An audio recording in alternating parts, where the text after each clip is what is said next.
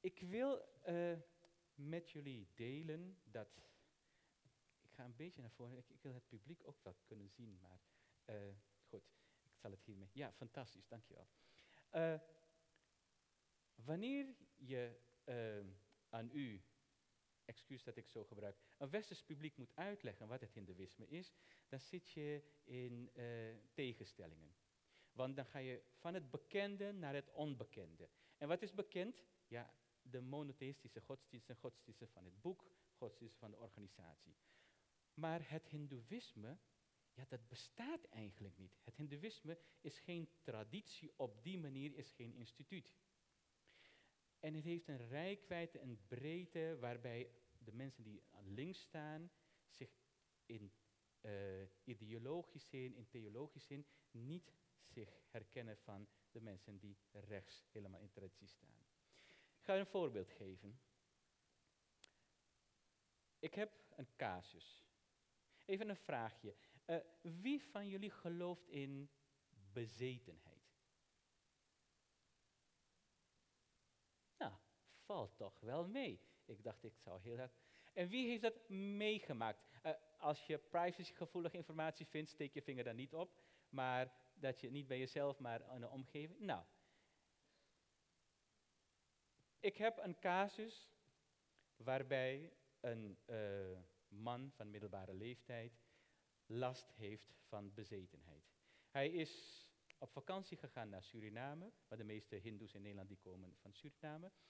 En daar heeft hij een keer op een avond iets heel raars meegemaakt. Hij kreeg een hele heldere droom. En in heldere droom zag hij een vrouw. En die vrouw zei, ik wil met jou. En het was een hele heftige erotische droom. En hij wist zich daar geen raad mee. Ik dacht van, nou, nou weet je, misschien was de nood heel hoog, dus uh, wie weet. Maar toen hij terugkwam in Nederland, hij was getrouwd, vader van twee jongens, hij had bijna dagelijks die droom. En op zo'n akelige manier, ja, bijna Hollywood-achtig, dat uh, in zijn dromen de ander bezit nam van hem. En zijn vrouw, heb ik me laten vertellen, die zag dat hij daartegen verzette en hij kon er niets voor de rest aan doen. Op een gegeven moment hebben we gezegd, nou, we gaan uh, naar de huisarts ermee. Uh, we gaan naar de psycholoog ermee. Naar de psychiater.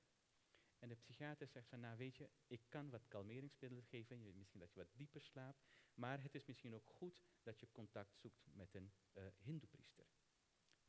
Hindoepriester is erbij gehaald en vervolgens uh, zijn er rituelen uitgevoerd.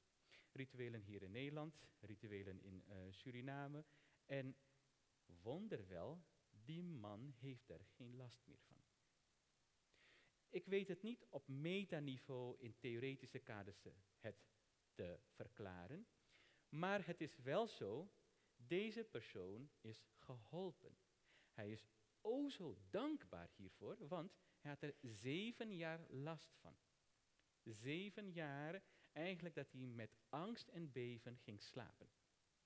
En op een gegeven moment was het zo dat de relatie ook bijna stuk liep, want dat bracht zoveel spanningen teweeg. En uh, ja, er was voor de rest geen enkele uh, uh, reden voor hem. De psychiater gaf ook aan, ik kan het niet verklaren, dus het moet, dan gaan ze transculturele psychiatrie die kant uit. Dit is het hindoeïsme, namelijk ja, bijna ja, Harry Potter-achtig, het magisch wereldbeeld waarin, je, waarin allerlei rare dingen kunnen gebeuren. Die animistische kant van het hindoeïsme, dat is een deel. En dan heb je ook een heel andere kant van Hindoeïsme, waarvan jullie waarschijnlijk elementen wel kennen. Meditatie, yoga. Um, uh, ik, ik, ik, reciteer even een, een, een, een, een strofe van een grote filosoof, Shankaracharya, die zegt... Mano buddhi ahankar chitaninam nacha srotra jive Net je netre. Wat hij in die tekst zegt is, ik ben niet mijn wil, mijn, mijn, mijn denkvermogen. Ik ben niet mijn intellect. Ik ben niet mijn zintuigen. Ik ben niet mijn lichaam. Dat wat ik ben is voorbij hieraan. Shivoham, shivoham. Ik ben dat zuiver goddelijke, dat gelukzalige. Dat is de andere kant van de bandbreedte. Dat zie je dan bijvoorbeeld, dat is de filosofie achter de yogis in India. Nou. En als je nou die hele grote groep zegt, ja maar, jullie zijn hindoes. Jullie geloven daarin en jullie geloven daarin. Uh, wacht even, jullie hebben het kastenstelsel en jullie vereren de koe en jullie verbranden de vrouwen. Dan denkt een hindoe, maar waar heb je het over? Hier herken ik me helemaal niet in. En dat is wat ik heel graag onder de aandacht wil brengen.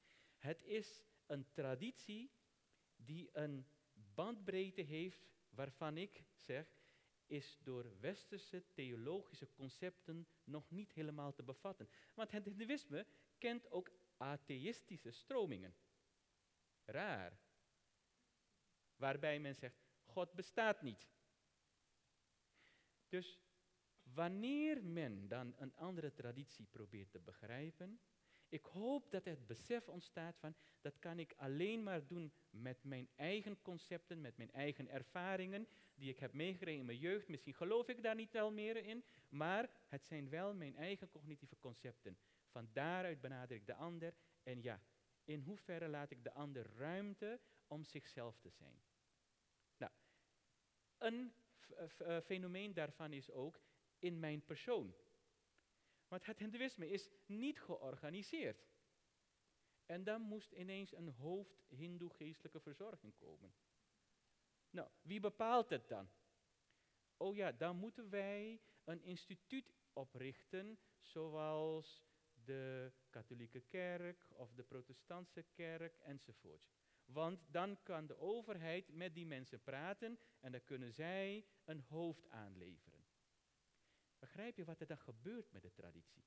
Die wordt zo in een keurslijf gedrongen van je zal lijken op de tradities die hier zijn en op die manier kunnen we zaken met elkaar doen. En dan hebben we makkelijk oordelen over de tradities. En dan hebben we ook makkelijk, sommige journalisten worden hier zo ook opgeleid. En dan is een vrouw uh, verbrand in India en dat is groot nieuws. Dat is groot nieuws omdat het publiek weer dat nieuws uh, uh, consumeert als zijnde bijna een monotheïstische traditie. want je gaat binnen je door de westers of joods-westers christelijke cultuur ontworpen concepten die nieuws consumeren. En weet je hoe moe hindoes daarvan worden om dat telkens weer uit te leggen? Uh, Bikram Lal Bahadur Singh. Singh. Oh ja, van welke kaste ben je? Weet je, daar lig ik echt niet wakker van. Dat is niet mijn identiteit. Ik ben een Nederlander. Ik ben niet een Indiër van twee eeuwen geleden.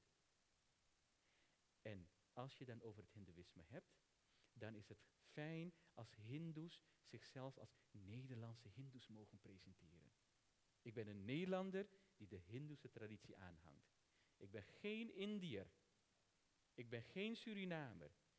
Ik ben een medeburger, net als u. Alleen ik gebruik voor mijn levensbeschouwing een traditie die eeuwen oud is, waarvan ik ook onderdelen heb weggelaten. Want, en daar zullen misschien wel jaloers op zijn, het Hindoeïsme is een keuzereligie.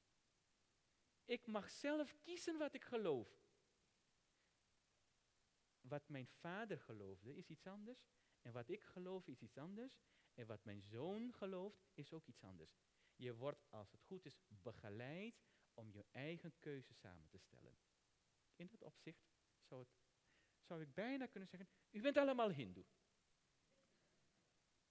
En het hindoeïsme accepteert het ook. Jezus is een profeet, Mohammed is een profeet, we tolereren iedereen. Je kunt bijna daar niet op tegen zijn. Gelukkig, ik zeg daarom ook, Gandhi, groot, een van de grootste moderne hindoes, die verbasterde een hindoe-psalm ook. Ishwar Keshav Teronam maakte van Ishwar Allah Teronam. Hij incorporeerde de moslimtraditie ook in zijn psalmen. De, hij springt op rood. Ik heb hem net op tijd afgerond. Dank u wel. Ik hoop dat ik iets van de tolerantie heb over kunnen dragen, maar ook de beperktheid van de concepten vanuit de monotheïstische tradities. Dank u vriendelijk.